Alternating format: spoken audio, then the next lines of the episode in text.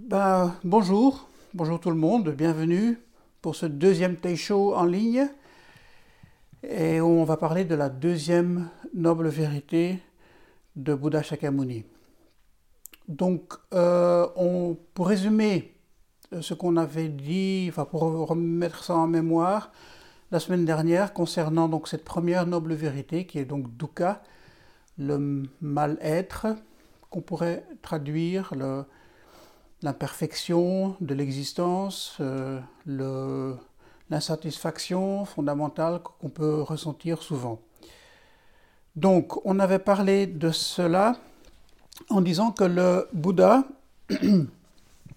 faisait en fait un constat neutre euh, sans dramatiser, sans minimaliser, et qu'en en fait, il euh, fonctionnait un petit peu comme un médecin qui constate euh, la maladie, quelque chose qui ne fonctionne pas bien comme cela devrait être, qui cherche, qui fait un diagnostic, diagnose exact, qui cherche les raisons d'où ça vient, qui euh, appréhende la possibilité de la guérison et la quatrième phase, les moyens, les médicaments à utiliser pour guérir. Donc on va voir qu'en effet, cette structure des quatre phases sont en effet la base pour ces quatre nobles vérités. On avait également dit qu'il était encore une fois ni pessimiste ni optimiste, mais que sa façon de voir les choses est réaliste. On avait également dit que Dukkha ne pouvait pas du tout être conçu comme étant une sorte, de destin qui nous tomberait dessus. Et en dernier lieu, ce qu'on avait également euh, dit, c'était que le Bouddha ne nie pas qu'il y ait une possibilité de bonheur. Alors venons-en maintenant à cette euh, deuxième noble vérité, qui est donc la cause de la souffrance. Et donc je vais reprendre le texte comme euh, je vais vous remontrer ce que c'était, si je le retrouve ici, parce que je dois un peu m'habituer avec le... Voilà, ça ici. Donc c'était ça. Hein, je pense que tout le monde le voit. Le Dhamma, Dhammakaka donc la mise en mouvement de la roue du Dharma. Donc c'est dans le Samyutta Nikaya, dans cette corbeille, c'est le chapitre 56. Et là, il y a donc ces quatre euh, nobles vérités. Et voilà, ici se trouve le paragraphe. Si vous pouvez agrandir votre écran, vous allez pouvoir le, lire, mais je vais le, je vais le lire euh, à voix haute. Donc il dit, de plus, Bhikkhu, Bhikkhu ce sont les moines, hein. Voici la noble vérité de l'origine du mal-être. C'est cette appétence menant à la continuation de l'existence, liée à la complaisance et l'avidité, se complaisant ici et là, c'est-à-dire l'appétence pour la sensualité, l'appétence pour l'existence et l'appétence pour la non-existence. Donc euh, ça c'est la deuxième noble vérité comme le Bouddha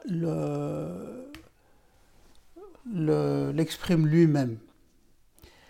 Appétence, ça veut dire, euh, en enfin, c'est un, vieux mot français je pense, qui a des synonymes, c'est désir, c'est soif, c'est euh, envie. Voilà.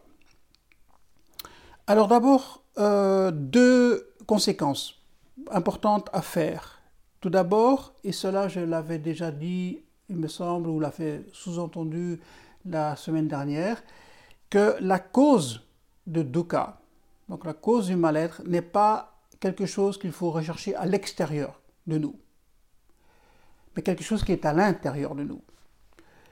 Donc euh, la vie elle-même, l'existence, les phénomènes qui, nous, qui, surgissent dans notre vie ne sont en eux-mêmes pas la cause de la souffrance.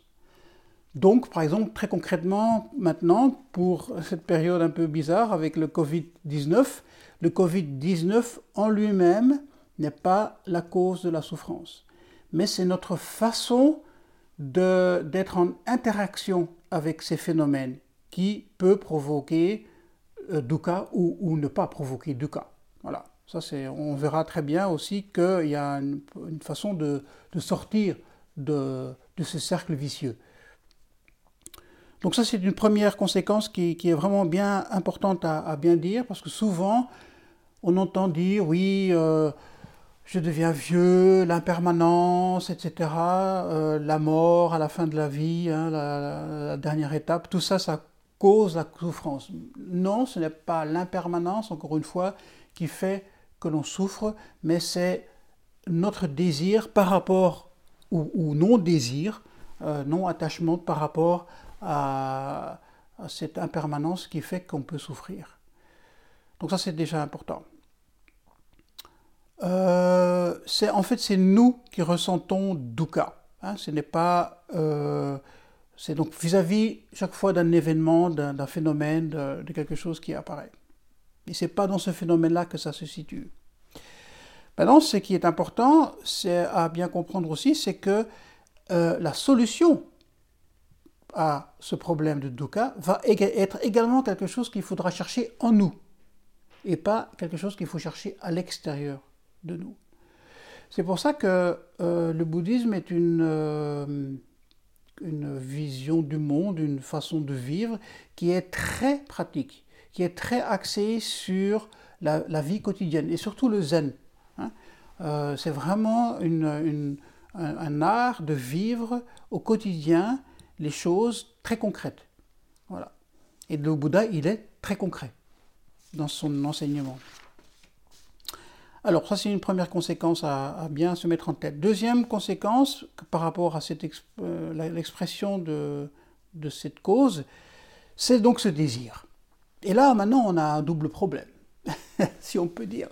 D'abord le premier problème c'est que l'existence de dukkha, hein, ça fait pas plaisir bien sûr de souffrir, d'être euh, dans la mal dans sa peau, mais le désir qui euh, dans notre société est prôné comme étant la chose la, quasiment la plus importante à faire ou à, vivre, eh ben c'est justement là que se trouve la cause.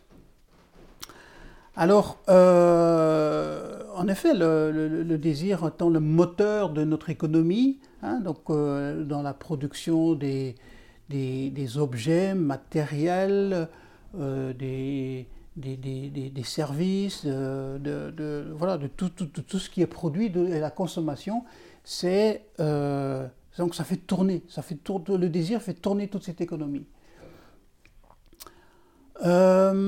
Donc peut-être qu'il est maintenant important dans cette période justement de réfléchir quels seront éventuellement les, des nouveaux modèles de société et d'économie qui ne sont pas basées justement sur le désir. Ce serait peut-être intéressant à faire ce, ce, ce cheminement et cette réflexion. Alors, pourquoi le désir est-il la cause de dukkha? D'abord, il faut bien comprendre que le Bouddha ne dit pas que le désir en lui-même serait répréhensible de façon morale. Hein, Ce n'est pas ça qu'il dit. Euh, là où il y a le problème, c'est que le désir, c'est une stratégie de l'ego. Et que tout, donc de notre fort intérieur, je veux dire, et que tout ce qui vient de l'ego est instable, capricieux, euh, et il ne nous amène pas du tout la tranquillité et la paix de l'esprit. Donc, euh, c'est vraiment pour cela que euh, le, désir est la cause principale de dukkha. Et donc, le Bouddha, il part de trois appétences, trois désirs. Le premier, c'est l'appétence pour la sensualité. Donc, le, le désir des plaisirs que les sens nous produisent. Ça, c'est, je pense, une réflexion intéressante parce que c'est très rare d'entendre ça, parler de cela dans ces termes-là. même dans la phénoménologie, euh, dans ce courant philosophique, c'est pas de cette façon-là que c'est considéré. En fait, les sens, encore une fois, c'est euh, des choses tout à fait naturelles. Euh, c'est ni bon ni mauvais. Je veux dire, c'est même très important que les sens sont là, les, organes des sens, parce que c'est notre, nos, notre, porte, hein, ou les portes vers le monde extérieur. Hein, les passerelles vers l'existence. Hein. Si on n'avait pas ça, ben on ne serait pas en contact avec euh, le monde extérieur. Et toute vie, euh, sur, cette terre en tout cas, connaît euh, une façon ou une autre, des, a des organes d'essence. Donc, ils nous permettent d'avoir des informations nécessaires pour pouvoir s'organiser et pour pouvoir survivre dans, ce monde. Alors, ce qui se passe, c'est que les, sens, les, organes des sens, nous mettent en contact avec les objets de ces organes des sens. Donc, les yeux nous mettent en contact avec la lumière et les, choses visuelles que l'on peut euh, percevoir. Et ce contact, ce point de contact entre les deux, entre nous et, ces objets, va produire dans notre conscience des représentations, hmm, qu'on appelle des images mentales. Euh, maintenant, ces représentations sont très approximatives, sont incomplètes, sont limitées. Je, donne un exemple. Nos yeux euh, voient une certaine partie de, des fréquences euh, électromagnétiques. Hein. on ne voit pas l'infrarouge, on ne voit pas l'ultraviolet, par exemple. Il y a d'autres êtres perçoivent ces, fréquences. Ou alors au niveau du son, c'est la même chose, on n'entend pas toutes les fréquences non plus. Hein, les, animaux, euh, les chiens entendent d'autres fréquences qui sont complètement imperceptibles pour nous. Donc de toute façon, ce que l'on obtient par le, enfin obtenir, voilà déjà le mot, hein, euh, par les organes des sens est de toute façon limité et incomplet. Et donc les formations mentales qui, sont le résultat de cela ne nous donne pas une image exacte de la réalité. Et c'est là où on voit déjà pointer à l'horizon, euh, dans la pratique de Zazen, une possibilité de dépasser ces limites et, d'être en, contact, pas par les sens, mais par l'intuition et par la sagesse, et, de voir quelque chose qui est beaucoup plus large que ce que l'on peut appréhender avec simplement euh, euh, l'objet d'essence. Voilà. Et donc ces représentations peuvent nous provoquer, très souvent même, du plaisir. Voilà. En soi, il n'y a rien de très euh, grave à cela. D'ailleurs, ce n'est pas seulement du plaisir que les organes d'essence peuvent nous, donner. On peut aussi être en contact directement avec des choses qui sont complètement déplaisantes. Et là, le dukkha apparaît tout de suite. Hein, ça, c'est clair. Mais quand on prend l'exemple de ce qui nous donne du plaisir, il y aura très vite attachement à ce plaisir et euh, une soif à vouloir le renouveler. Parce que bien sûr, ce plaisir est, comme toutes les choses dans cette vie, soumis à l'impermanence et donc à un moment donné se terminer. Et donc on peut très bien comprendre, euh, et c'est très bouddhiste ça, cette façon de voir, comment euh, on peut très vite être attaché à, ces, représentations mentales, à ces plaisirs éphémères qui, apparaissent, et être carrément dans une, situation qui, devient, qui peut devenir malsaine. Hein, donc toutes les dépendances que l'on peut connaître euh, sont basées là-dessus. Que l'on pense à l'alcool, au tabac, au, chocolat, euh, dont je suis très friand moi-même, voilà, au sexe. Euh, il y, a beaucoup, beaucoup, beaucoup d'objets auxquels on peut s'attacher parce que cela nous provoque du plaisir. Voilà, et donc c'est justement là où Dukkha va apparaître, bien sûr, hein, parce que, comme encore une fois, ces plaisirs étant très impermanents, euh, on sera toujours là à vouloir les renouveler. Ce qui est également intéressant quand on y réfléchit un petit peu, encore une fois avec ces représentations mentales, qui sont limitées, encore une fois, qui sont fausses, ou incomplètes en tout cas, c'est que euh, très vite, avec elles, on peut complètement s'isoler de la réalité. C'est comme si on était dans une bulle, dans un cocon, euh, très à l'aise, avec euh, une vision du monde qui est vraiment très limitée. Ça me fait beaucoup penser, ces paroles du Bouddha même, à des techniques, les technologies actuelles de réalité virtuelle, où les gens, mes élèves sont, sont, accros à ça, où les gens se mettent vraiment un casque sur les yeux, hein, vraiment pour, ne plus voir le monde, mais voir une image générée par un ordinateur, un casque pour être euh, en contact avec les sons que ces images euh, provoquent et euh, faire un jeu dans, voilà. C'est une technologie intéressante, mais voilà, on reste dans un, dans un monde qui est vraiment très, très, très fermé. Voilà. Et même cela me fait penser au, philosophe Platon qui déjà, lui, il y a 2000 ans en arrière, parlait de, du mythe de la caverne où euh, il essayait d'expliquer l'essence de l'existence des humains et il les comparait à des gens qui sont enfermés toute leur vie dans une caverne. Enfin, vous connaissez ce mythe, hein, euh, qui sont enfermés dans une caverne, ils sont assis sur un banc, ils sont attachés à ce banc et ils ne peuvent voir que des ombres qui sont projetées devant eux sur le mur, des ombres qui sont d'objets qui sont derrière eux qu'ils ne voient pas. Voilà. Donc c'est ça la, réalité virtuelle. Et c'est vraiment une, bonne image, je pense, qui, explique vraiment euh, cet enfermement que peut euh, provoquer euh, l'essence et surtout l'attachement aux représentations mentales que, que l'on fait à partir des sens. Voilà. Alors encore une fois, le zazen va apporter une solution à cela. Donc euh, il va nous apprendre à déconditionner notre façon de voir, d'entendre, de goûter, de, percevoir, de, concevoir les choses. Il va vraiment déconstruire notre façon de, de, percevoir le monde. Et ça, on peut vraiment très fort le sentir dès le début. Il ne faut pas pratiquer pendant 20 ans pour s'en apercevoir que tout d'un coup, on voit, par exemple après une séance de zazen, on voit les choses différemment. Euh, des choses qu'on n'avait pas perçues avant, ben on les perçoit après.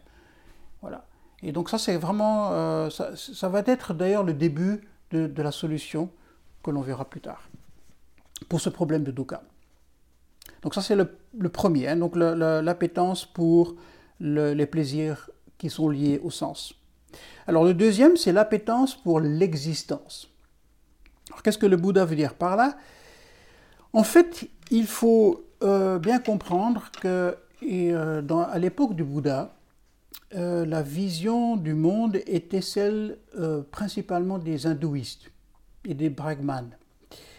Et qu'il y avait chez eux la croyance d'une âme qui transmigre donc d'une vie à une autre vie, d'une existence à une autre existence, et qui a donc transmigration, qui a une sorte de réincarnation d'une existence sur une autre.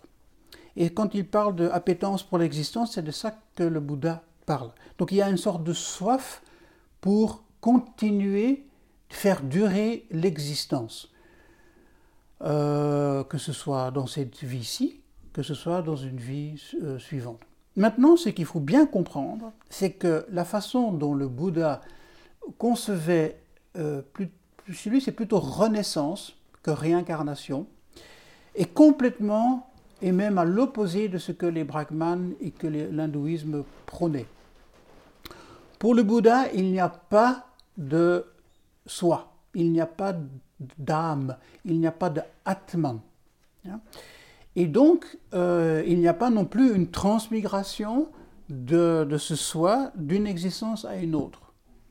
Par contre, selon lui, ce qui existe vraiment, c'est une énergie qui est mise en route dans une existence et qui va avoir des fruits dans une autre existence. Et ça, c'est la théorie du karma. Alors, qu'est-ce que le karma En deux mots, essayons d'expliquer ça. Euh, à karma, ça veut dire euh, action. Pas action anodine, euh, je prends mon stylo, mes lunettes. Hein. Non, C'est vraiment une action que l'on délibérément, on a choisi de faire très consciemment et que l'on a répété très souvent. Hein. Donc c'est pas une action un peu anodine, on sort et, par malheur on, marche sur euh, une fourmi qui, qui était là. Non. Donc c'est vraiment un acte conscient. Et pas seulement les actes, mais aussi les pensées et aussi les paroles. Donc tout cela en étant vraiment volontaire. Je dis les choses bien clairement et je les répète. Voilà. Donc ça c'est le karma. Un karma s'installe avec ça. Et un karma va toujours porter du fruit. Euh, des bons karmas apportent des bons fruits. un mauvais karma, des mauvaises actions apportent des mauvais fruits. Et pas seulement tout de suite, ça c'est quelque chose qu'on peut très bien voir, euh, on, s'engueule avec son conjoint, euh, voilà, très vite on, voit le fruit de ce karma-là. Mais des karmas peuvent, quand ils sont vraiment tenaces, peuvent vraiment durer très longtemps cette énergie qui a été lancée peut continuer même au-delà de la barrière de, de la mort. Et donc c'est dans ce sens-là que le Bouddha parle de renaissance. C'est cette énergie qui va reprendre une nouvelle forme, dans une nouvelle existence. Voilà. Donc pour cela, pour lui, c'était important d'avoir une, une, une, conduite et des paroles et des pensées justes dans cette vie-ci, afin de produire des bons fruits plus tard. Voilà. Donc ce désir d'existence, c'est vraiment de cela qu'il s'agit. Hein. donc c'est vraiment un désir de vouloir faire durer l'existence, de renaître.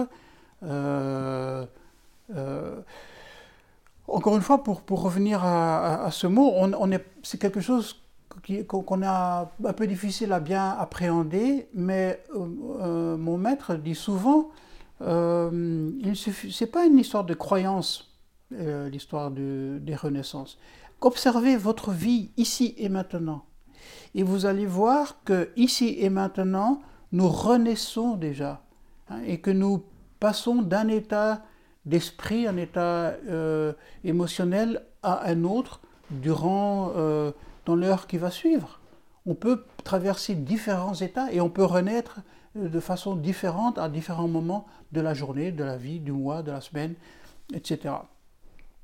Donc si on n'aime pas trop parler de renaissance parce que ça fait un peu trop penser à ces histoires de, réincarnation auxquelles nous ne croyons pas, ben en ce moment-là, voyez tout simplement dans quel état vous êtes et comment vous transmigrez d'un état à un autre. Traditionnellement, il y en a six.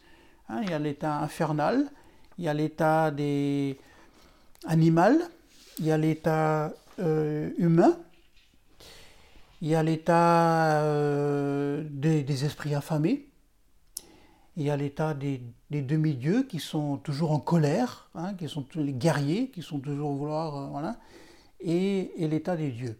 Et ce sont six états que l'on connaît très très bien, nous, dans cette vie déjà ici. Et donc l'état humain est le meilleur pour pouvoir s'éveiller. Voilà. Donc ça c'est quand il parle donc de euh, l'appétence à l'existence, c'est donc de cela dont il parle. Hein. toujours être dans ce être en fait dans ce samsara, parce que ce qui nous pousse à vouloir, à durer, à exister, à réexister et à continuer cette existence, c'est vraiment ça qui fait souffrir et qui qu'on appelle donc le samsara. Alors le troisième, c'est l'appétence pour la non-existence. Et ça, c'est peut-être encore plus difficile à comprendre, mais euh, c'est vraiment le désir de la mort le désir de la destruction, le désir de, voilà, de se, même de se détruire soi-même.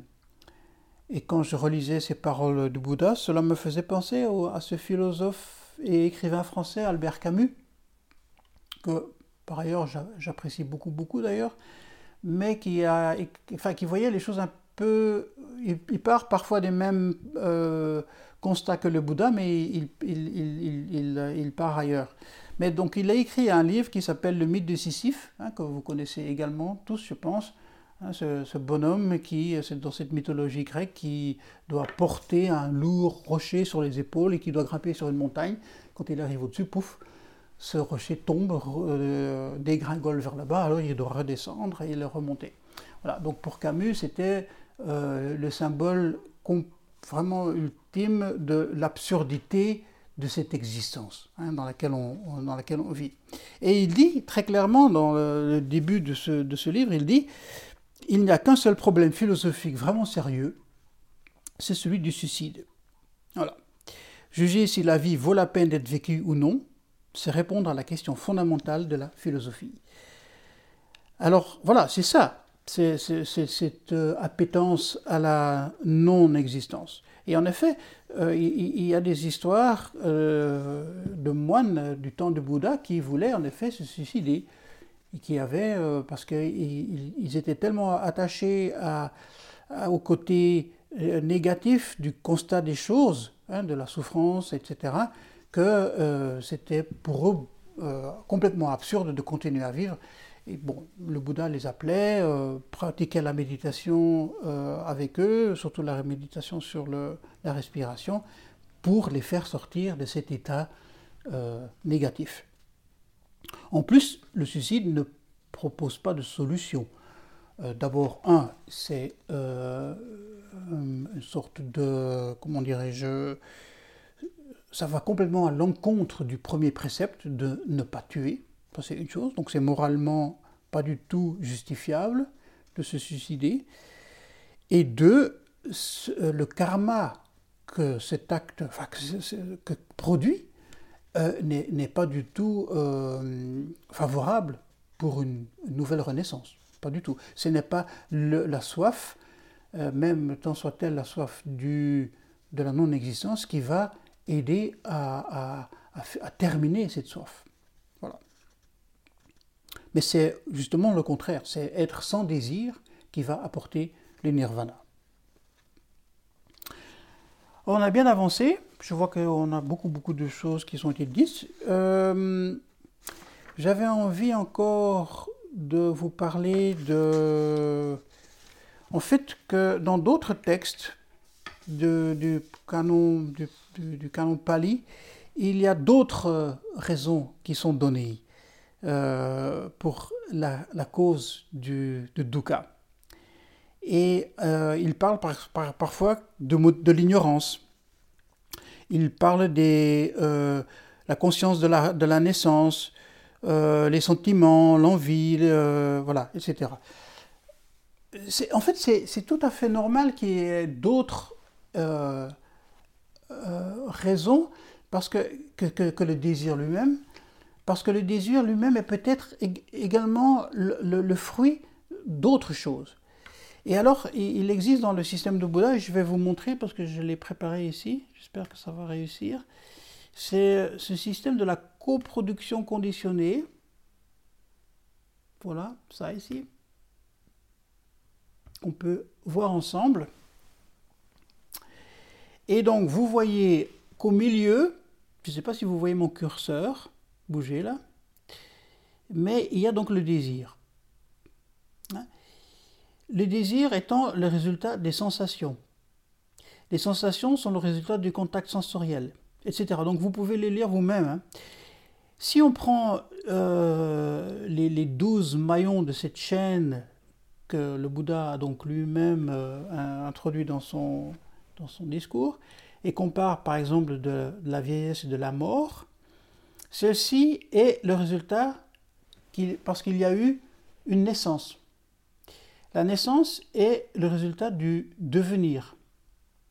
Le devenir est le résultat de l'attachement. L'attachement et le désir est le résultat de ce, justement, de ce, de, de ce qu'on est là maintenant. Le désir est le résultat des sensations, les sensations des contacts sensoriels, les six sens, les cinq skandhas ici, nom et forme, il, appelle ça. Euh, la non-informe est le résultat parce qu'il y a une conscience qui discrimine. Cette conscience est les créations mentales et les créations mentales est les résultats de l'ignorance. Voilà. Alors, on a peut-être un peu difficile à s'imaginer à chaque étape vraiment de concrètement qu'est-ce que cela implique. Néanmoins, c'est bien de bien comprendre que chaque chose est le résultat d'une cause. Et l'abrégé de, de, cette coproduction conditionnée, c'est dans ces quatre versets qu'on connaît bien du Bouddha. Quand ceci est, cela est. Ceci apparaissant, cela apparaît. Quand ceci n'est pas, cela n'est pas. Ceci cessant, cela cesse. Donc si on, brise la chaîne des enchaînements hein, qui s'imbriquent les uns dans les autres ici à un moment donné, par exemple ici au niveau du désir, ben en ce moment-là, on peut sortir de cette coproduction conditionnée et être, d'être déjà le premier pas vers le nirvana. Voilà, alors pour terminer, euh, cette conscience, cette ignorance, de quoi il s'agit? Cette ignorance fondamentale. Je vais arrêter mon truc là, voilà, tac. Alors, de quoi il s'agit? En fait, c'est tout simple, c'est euh, la méconnaissance de ce que nous sommes nous-mêmes. Euh, Maître Dogen le dit lui-même, hein, apprendre le bouddhisme, c'est apprendre à se connaître soi-même, vraiment au niveau fondamental. Et cette méconnaissance de ce que nous sommes vraiment, euh, amène vraiment à tout cet enchaînement, hein, comme on vient de le voir, au désir, à la souffrance, etc. Donc c'est en ce sens-là qu'il faut voir que au, final, euh, désir, oui, tout ce qui est de, ce, de, ce, de cette stratégie n'est pas favorable, mais au fond des choses, c'est encore ce qui est encore le plus euh, défavorable, c'est vraiment cette méconnaissance de ce que nous sommes. Voilà. C'est cela que je voulais vous dire. J'ai un peu euh, entamé sur le temps, mais s'il y a une question, on peut encore prendre quelques minutes pour éventuellement éclairer l'une ou l'autre chose.